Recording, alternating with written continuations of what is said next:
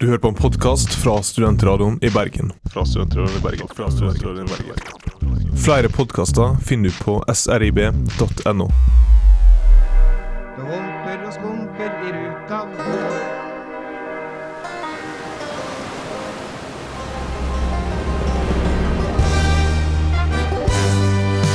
Skumma kultur!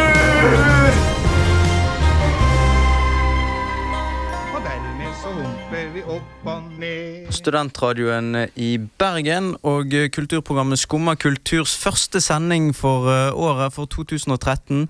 Og jeg heter Emil Porn, og med meg i studio så har jeg Magnus. God dag, god dag. Lenge siden du har vært i studio. Hvordan Hei, går det? hei, Emil. Godt nyttår, Ja, forresten. i likeså. Det, er, eh, det føles veldig godt å være tilbake i eh, studentradioens edruelige lokaler. Eh, og ha et nytt semester med Skumma. Vi har veldig mye godt på agendaen i dag, Emil. Har du savnet å være i studio? Ja, det er jo eh, Det er deilig. Det er godt og fint. Eh, Men mest eh, av alt for å introdusere nye ting til våre fine lyttere. Ja. Og Vi er kun to i studio i dag, men vi skal snakke om flere forskjellige ting. Vi har en bokanmeldelse, vi har en gjest som kommer om noen få straks. Vi skal få inn direktøren for kunstmuseene i Bergen, Erlend Høiersten. Og noe sier meg at han har noe på hjertet, eller hva, Magnus? Ja, det kan bli eh, godt eh, og interessant. Eh, Vi vil også snakke litt om ting som er verdt å vente på dette semesteret. Og så har vi jo masse bra musikk, som vi alltid er flinke til å plukke ut. Ja. Og musikk skal dere få høre nå, for nå skal vi spille Polisa med sangen Lay Your Cards Out her på Studentradioen i Bergen.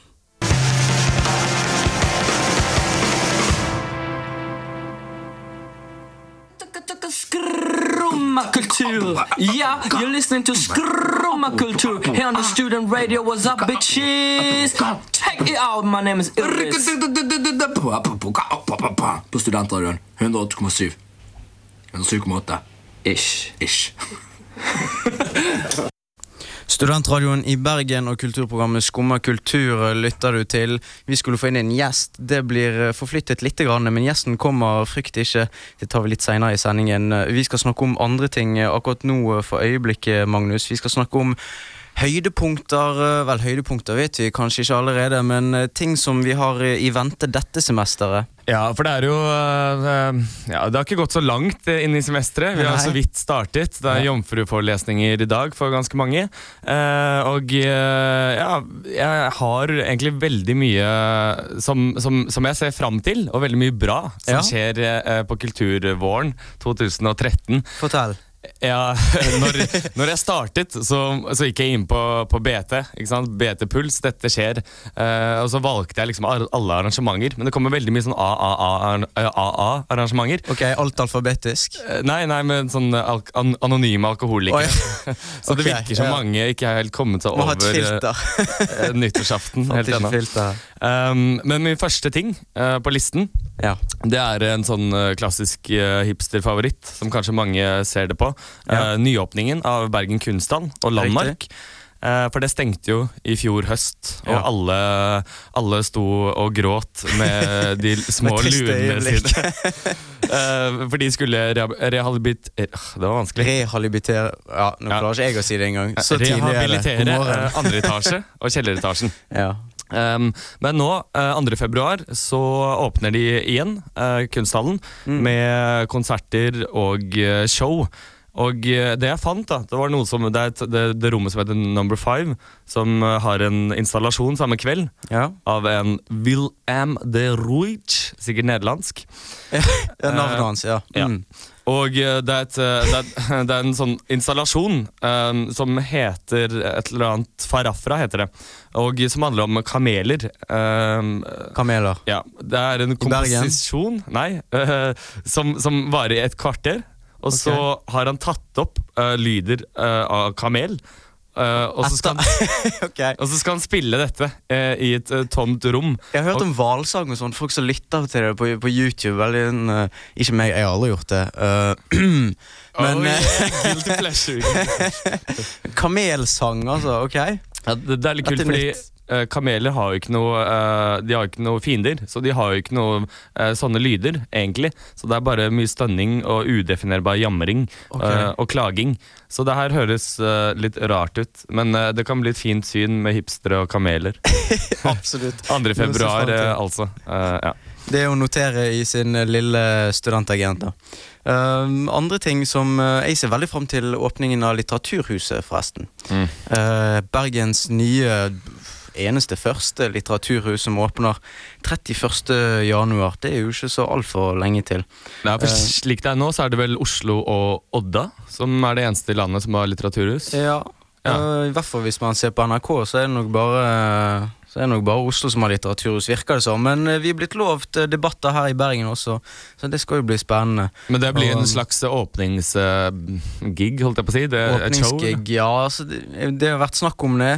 Uh, programmet har ikke kommet ut ennå, faktisk. Jeg har vært og kikket. Uh, men eh, det som er blitt sagt, er at Pål Aastad og Siri Hustvedt, eh, forfatterparet eh, som eh, bor i Amerika, de kommer til åpningen, og det blir jo Det blir helt sinnssykt! sinnssykt. Sinnssykt. Jeg var glad vi var ferdig med den der debatten om de skulle få penger eller ikke. Det varte så lenge.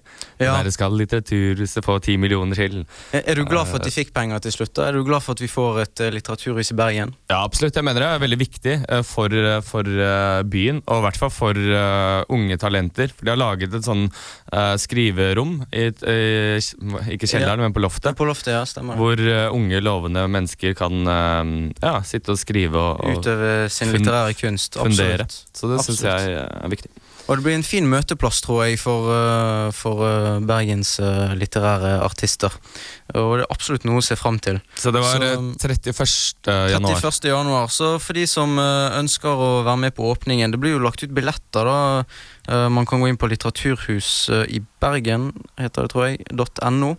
Uh, man kan i hvert fall google det, og finne man raskt ut Og de koster 180 kroner. Det ble Nei, veldig det reklame. for, nei, men de har ikke lagt det ut for salg ennå. Men uh, følg med på den siden, i hvert fall. Så, så får du med det nyeste av informasjonen eh, som er der ute. Jeps, jeps, jeps.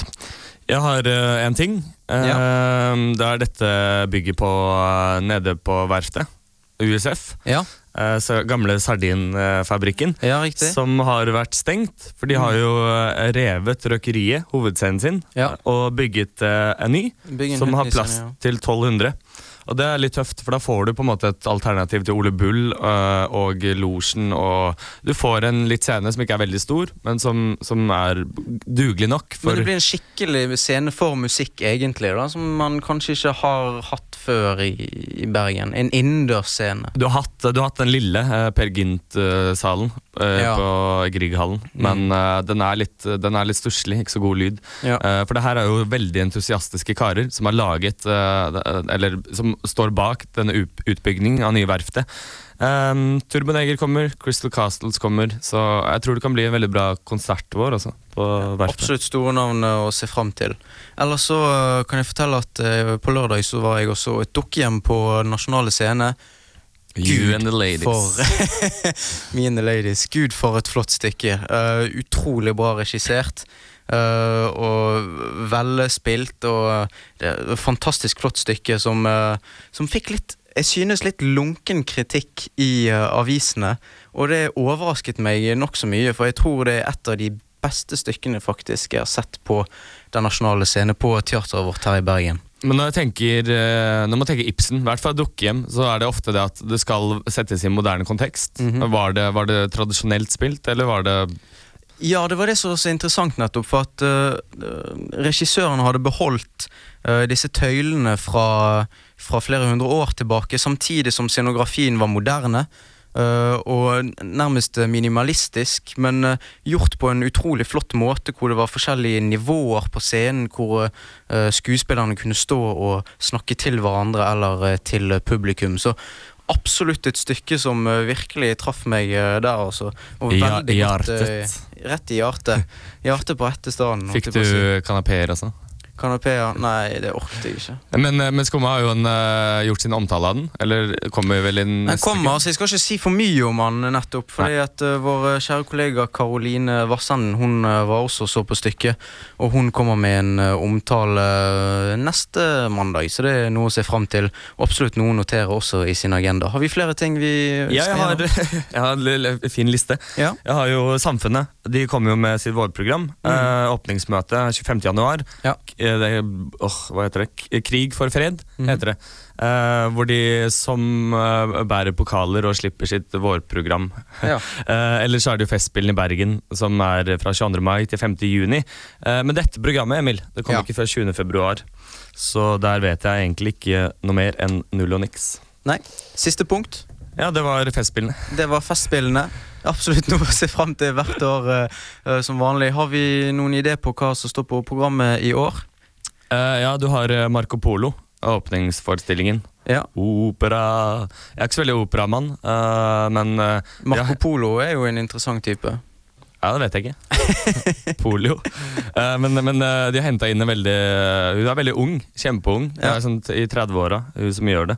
Eh, og um, ja, hun lover veldig grand kostymer og er litt sånn venesisk opera, hvis det er noe som heter det.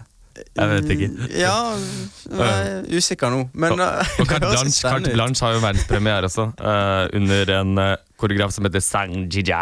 Som sikkert er kjempekjent uh, koreograf, men Ja. jeg kan ikke så mye om ballettmiljøet.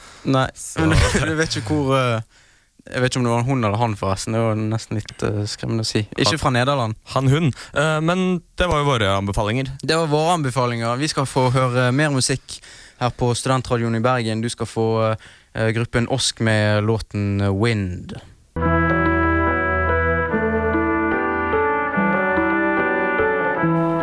Urørt-bandet Osk med låta Wind her på Skumma kultur. Nå litt Put Your Hands Up for Neo Tokyo.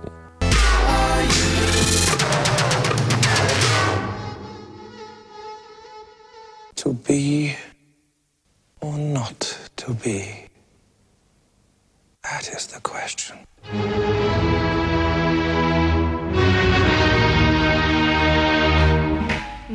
nei, nei, nei. Stopp en halv nå, Arnett. Å høre eller ikke høre på Skumma kultur, det er spørsmålet.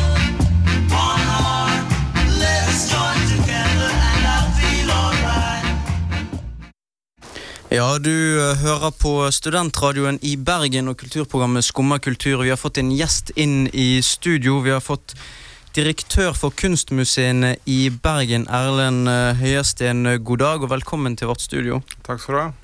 Vi kan begynne med et spørsmål eh, om forrige år, 2012-året som så en verdenspremiere. Ai Weiwei og flere andre artister fra Kina utstilte på Kunstmuseet i Bergen.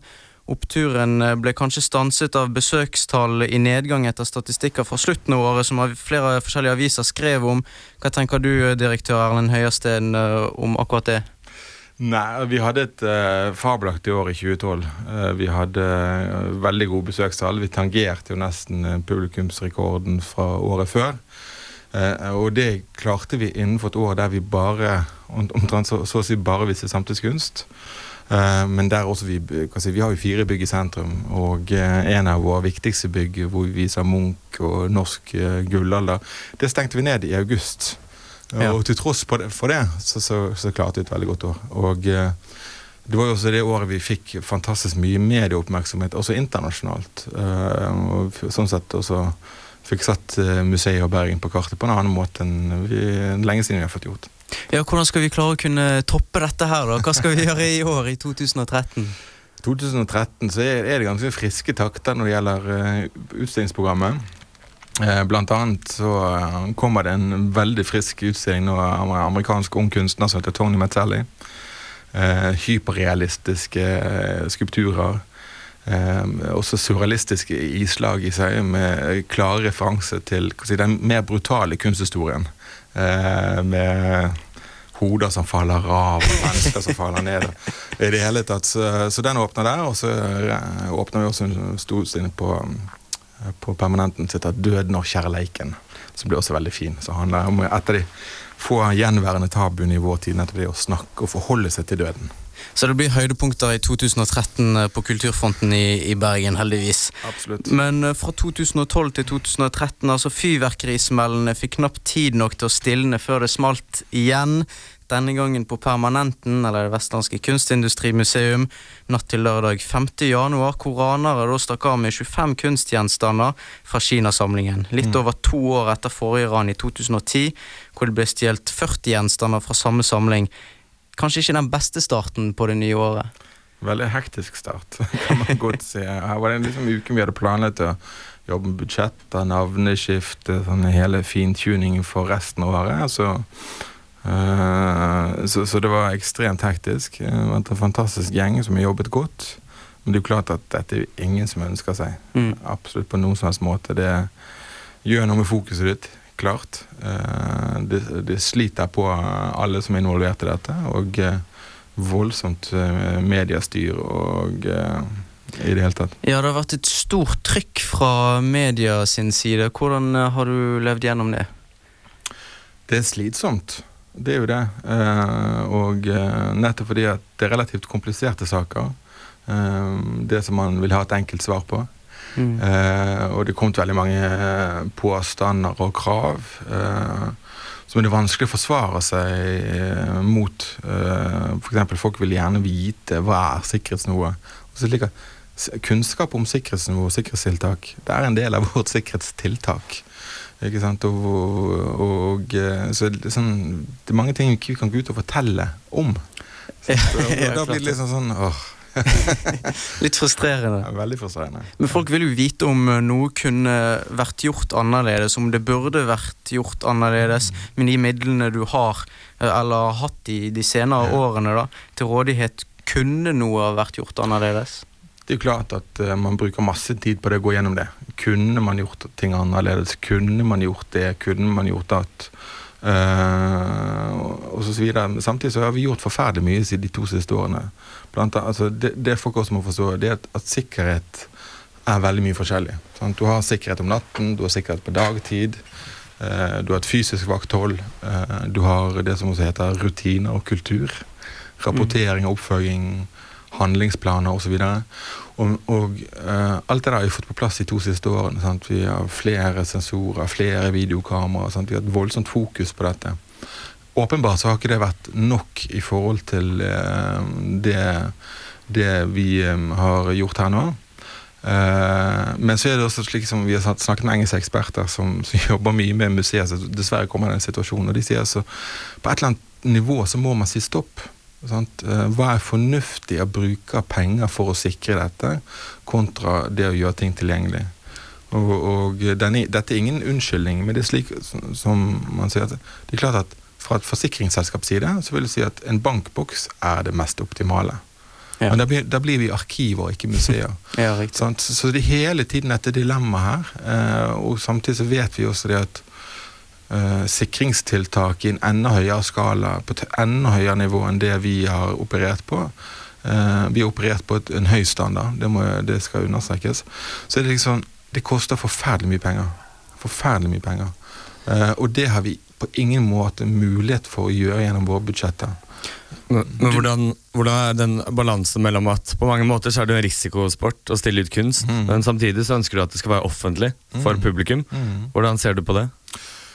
Altså Nå har jeg litt, sånn- gått litt i polemikk med, med Munch-museet, men altså kommer man inn på Munch-museet, sånn, så må du gjennom to uh, metalldetektorer. Alt du har med deg, gjennomlyses. De har tatt 40% av gulvarealet for å øke sikkerheten. Sant? Du er fullstendig overvåket hele tiden.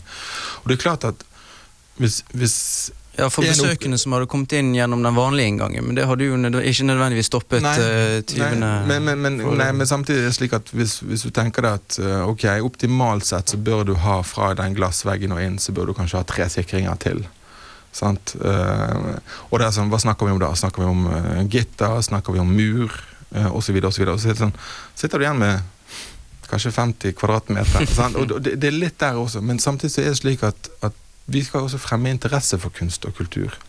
Uh, og, og vi ønsker ikke å gjøre slik at alt det vi holder, holder, handler om, handler om å, og, og sånn tvile på et publikum. Sant? Mistenkeliggjøre et publikum osv. Så, så det er et kjempedilemma. Sant? Poenget er jo at det skal være tilgjengelig. Ja. Men uh, du nevnte engelske eksperter. Mm. Eh, tror du dette har noe med, med Norge å gjøre?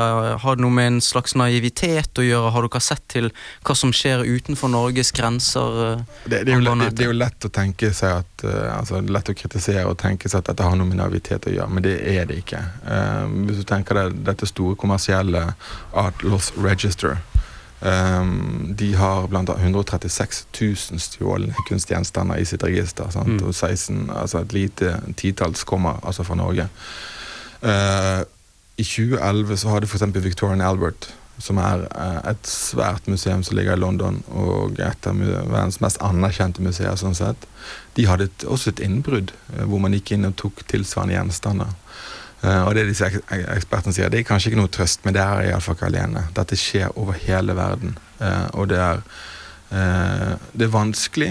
Eh, man skal gjøre sitt ytterste selvfølgelig for å, hindre dette.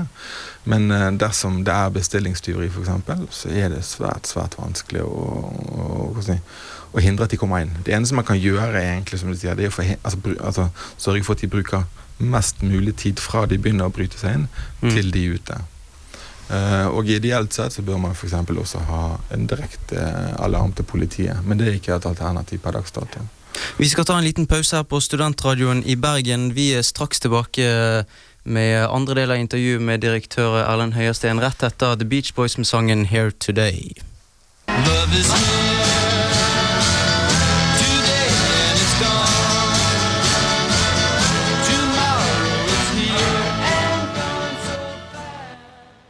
Du hører på Studentradioen i Bergen og kulturprogrammet Skumma kultur, som eh, sitter her med direktør for Kunstmuseet i Bergen, Erlend Høiersten. Vi snakket om eh, tyveriet litt eh, før denne sangen. En avgjørelse som du har tatt, det er å pakke ned Kinasamlingen. Hvorfor det? Eh, det gjorde vi av ulike grunner. Vi tok den beslutningen ganske tidlig. Jeg tok, jeg tok natt til- mandag, og så gjorde vi det beslutningen mandag klokken ni. Eh, og det henger sammen med litt forskjellige ting. For det ene så er det slik at eh, når det blir skrevet mye om sikkerhet og sikkerhetsnivå, spekulert sikkerhetsnivået, så kan du komme i en situasjon der andre kan bli inspirert, og at man kompromitterer rett og slett eh, nivået. Eh, og det var det ene. Det andre var jo rett og slett det at eh, det var en sånn unison omtrent, altså slik jeg opplevde det i hvert fall, eh, når det gjaldt de som uttalte seg i pressen, og politikere og hvermannsen, så var det sånn, altså, helt sånn mangel på forståelse for at det å stille ut ting er forbundet med en risiko. Alle, sånn, alle som var med i hylekoret, det var liksom vi må ha 100 sikkerhet. Mm. Og da var dette rett og slett nesten litt et, sånt, et kunstpolitisk svar på det. Ok, dere vil ha 100 sikkerhet. Det innebærer at tingene ikke er tilgjengelig for publikum. Slik er det. Nei, jeg, jeg, som, som jeg tenkte litt i stad, på en måte kan det være slags eh, et slag i ansiktet til kommunen? Eller at, at da, da kan jo de i så fall uh, ville gitt bedre bevilgning Mm. for at kunsten skal være tilgjengelig?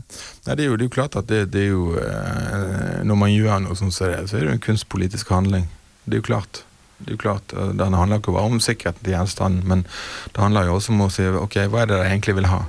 Sant? Og, og, eh, og det er jo bevilgende myndigheter syns kanskje sikring er lite sexy. Det er lite synlig, osv. Eh, og når du ber om det, så, så får du liksom Ja, du får penger til halve døren, liksom. Det hjelper meg ingenting. Så, så, så dette er jo nettopp uh, for frem en diskusjon. Hva er det faktisk det nivået som alle aksepterer? Og uh, aksepterer dette, så greit, så åpner vi igjen. Eh, for som jeg sa til mitt styre, jeg gidder ikke å legge min metode på et fat bare pga. Uh, manglende oppfølging fra andre steder. Hvem ønsker hva? Er det Kunstmuseet i Bergen sin oppgave å si fra hva som trengs, eller er det politikerne som skal komme med et tilbud? Hvor skal dette første steget komme fra? Altså det, det jo, går ut på, det er jo en dialog. Eh, vi, har satt til å, vi eier ikke disse tingene. Vi er satt til å forvalte dem. Eh? Billedkunsten eies jo Bergen kommune. og så er det slik at Hvilket nivå tar dere ansvar for? Og så kan vi operere etter det. Eh, men eh, det er vi som har mulighet for å hente inn kompetanse og ekspertise, og har kompetanse og ekspertise. Eh, og så må vi prøve å synliggjøre, så, må, så vil da også politikerne prioritere. Eh, og det som dessverre er synd, det er at denne type tiltak er dessverre veldig, veldig dyre. Altså, vi bruker enorme summer, og da mener jeg enorme summer, både på fysisk vakthold og oppgradering av dette tekniske utstyret etc. Eh, og utover det så har vi ikke mulighet til å prioritere eh, mer uten at vi faktisk blir et arkiv, at ikke vi blir for et publikum osv. Så, så, så, så det, man må se på det, rett og slett. Blir det urealistisk da å heve sikkerheten. Nei, men igjen så handler det om det at man må få en stor forståelse for at, det at uh, man, man legger seg på ett nivå og sier at dette er godt nok.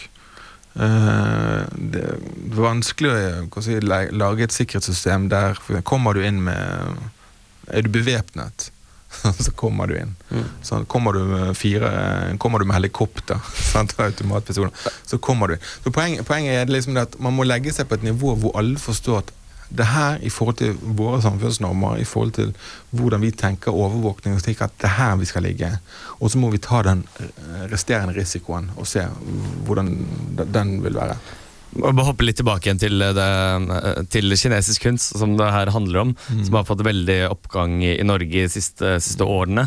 Eh, men, men det er mange nyrike eh, kinesere som, som på mange måter føler at kunsten skal tilbake igjen til eh, der, det, der den hører hjemme. Hva tenker du om det? Burde det vært eh, utstilt i Bergen?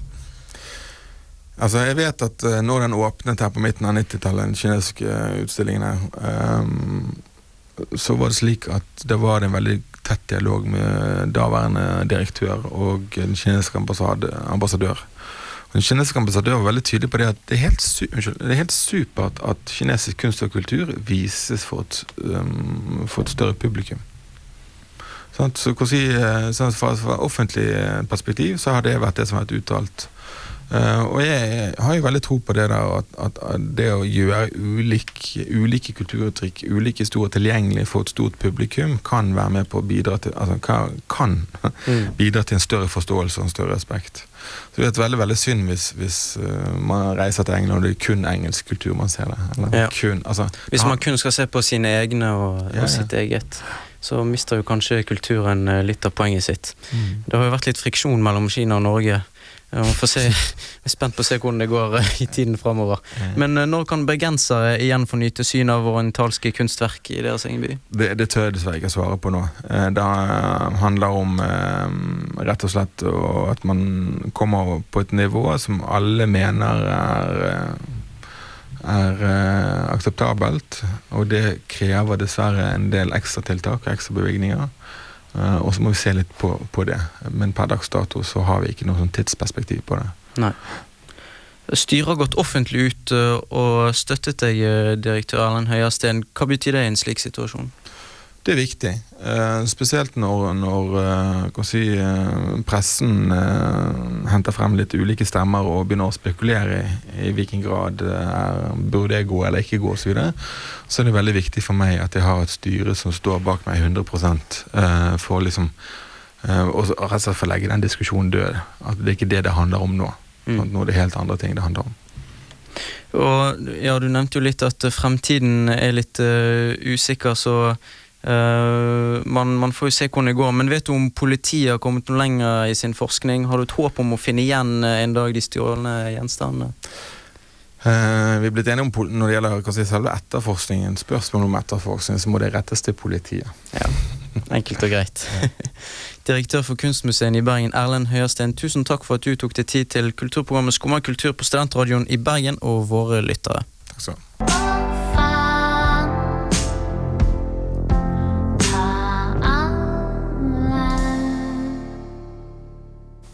Det var altså artisten Kaja Gunnufsen fra Ås kommune som hadde låta Au, en helt ny låt på studentradioen i Bergen. Yeah! Vi har eh, lest litt bøker også, eh, Mr. Perron. Det har vi. Jeg har lest uh, 'Teltmakeren' av uh, forfatteren Atle Næss. Eh, for eh, lang tid og man glemmer tiden. En eh, mann ved navn Jesus gikk på denne jord for over 2000 år siden. I hans eh, vake skulle en sekt oppstå og utvikle seg til å bli den største monoteistiske religion i verden. Jesus Kristusdommen, eller kristendommen. Alt her på denne jord har en eh, begynnelse, og Atle Næss tar for seg de første skrittene til eh, kristne budbærere i eh, det nære Østen. Ja, jeg tenkte veldig på den eh, på klatreren. Atle eh, Nei, Arne Næss tenkte jeg på. Oh, ja. Eh, dette er Atle Næss. Jeg så du ble litt satt ut. Nei, dette er Atle Næss, forfatteren, ikke Arne Næss, filosofen og klatreren. Så to forskjellige uh, folk her, er viktig å understreke. Men, men gjerne fortell, gjerne fortell om, om boka, hvis du har Ja. lest den. Det er altså en bok som Han kan nok ikke klassifiseres som eh, historisk fiksjon, men han tar utgangspunkt i annen litteratur, nærmere bestemt et uttrykk fra Bibelen, altså Paulus brev til Filemon, som også er kalt Filemonbrevet, og det er det korteste brevet av apostelen Paulus som han finner i Det nye testamentet. Apostelen Paulus, eh, teltmaker, han, eh, var teltmaker av profesjon, han ble født mellom år 10 og år 5 før Kristus og døde i Roma ca. 67 etter Kristus, for, å- da, for å sette han i tidsperspektiv. Han var kjent som den første kristne misjonæren og mannen som står for mange av ordene som fyller opp Det nye testamentet. I hans brev til Filemon tar Paulus den rømte slaven Onesimos forsvar etter at sistnevnte har oppsøkt post- apostelen i fengsel i håp om at apostelen Paulus vil hjelpe ham på veien mot frihet. Istedenfor så argumenterer Paulus for at Filemon viser sin slave nåde og tar ham tilbake som sin kristne bror, som har funnet veien til lyset, til Guds hjerte, til misjonæren og apostelen Paulus' kristendom. En bok altså om eh, slaver, om slaveeiere, om eh, kristne misjonærer. Men eh, hva skjer så? Hva hender med Onesimos? Blir hans herre Filemons Hva blir hans herre Filemons avgjørelse? Vel, det er her eh, Atle Næss slipper sine bibelske tøyer, tøyler og starter å dikte. Forfatteren tar utgangspunkt i slaven Onesimos, og leseren følger slaven på sine mange reiser som venter. For det er en bok eh, om reiser fra en annen tid. Ingen tog, ingen biler eller busser, kun vandrerens bein å stå og gå på i støvete og tørt landskap i taktfast, monotont tempo. En og annen eh, gang blir leseren med på reiser over havets ondulerende bølger, og man kan smake middelhavssaltet etter hvert punktum. Hastverk, lastverk, reisende tar sin tid, men det er nettopp denne rytmen som får vandreren til å åpne sitt sinn på harde romerske landeveier eller humpete stier i den nære Østen. Vi følger Onesimos gjennom hans liv, fra slave til fri mann, fra ung til eldre.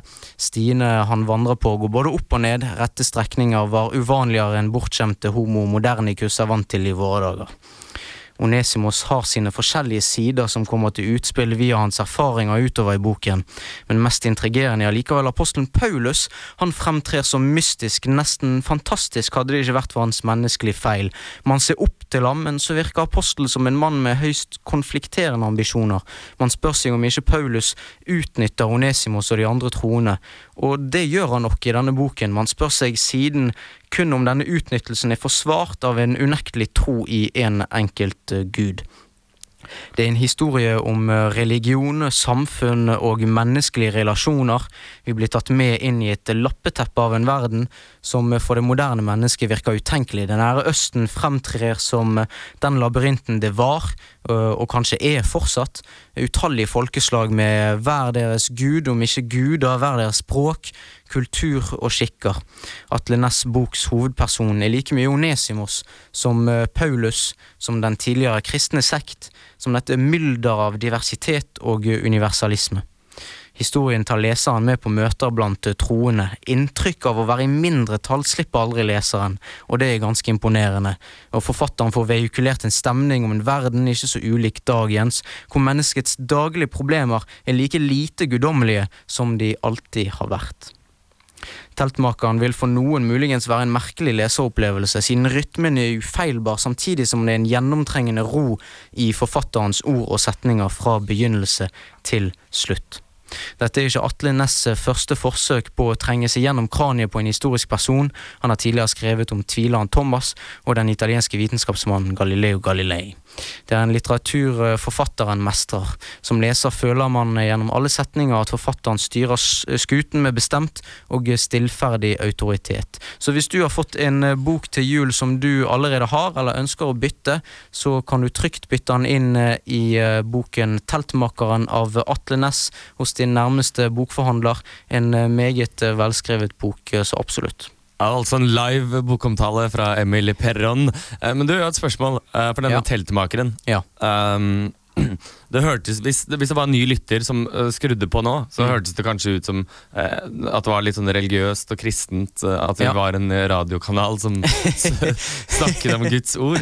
Men denne boka, hvorfor, hvorfor valgte du å lese den? Jeg har ikke hørt om den. Nei, Vi lever jo i en tid hvor religion blir av mange blir sagt å være mindre og mindre relevant. Det virker som det blir færre og færre troende, i hvert fall i den vestlige verden. Og så kommer da Atle Næss ut med denne boken om eh, kristendommens eh, spede begynnelse.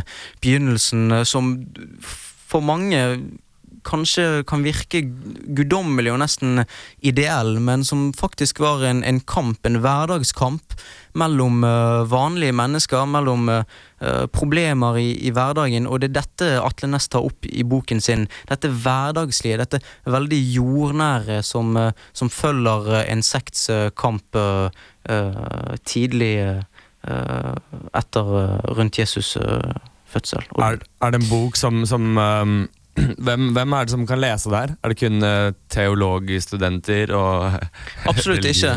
Dette er en uh, bok som kan leses eh, av, uh, av alle som interesserer seg for historie, og alle som har lyst eh, på et innblikk inn i den tiden eh, rundt eh, år null. Og eh, det er absolutt en, en bok å anbefale for folk som eh, For det er en tidsperiode som eh, kanskje ikke er så veldig forstått av alle sammen, så en, en veldig interessant bok, selv om du ikke er kristen. Absolutt. Ja. Vi skal eh, høre musikk, Magnus. Yes, uh, High as a Kite med I Roll My Eyes. Det var ikke så lett å uttale det. High as Kite med låta I Will I roll my eyes. jeg, jeg klarer aldri å si det. Samarbeid her på Studentradioen i Bergen og Skumma kultur. Vi nærmer oss slutten, eh, Magnus. Ja, Det har vært en god sending, alt fra Erlend Høyersten eh, til anbefalinger hva som skjer ut våren. Vi er eh, Skumma kultur, og vi er med hver uke mandag klokka 11.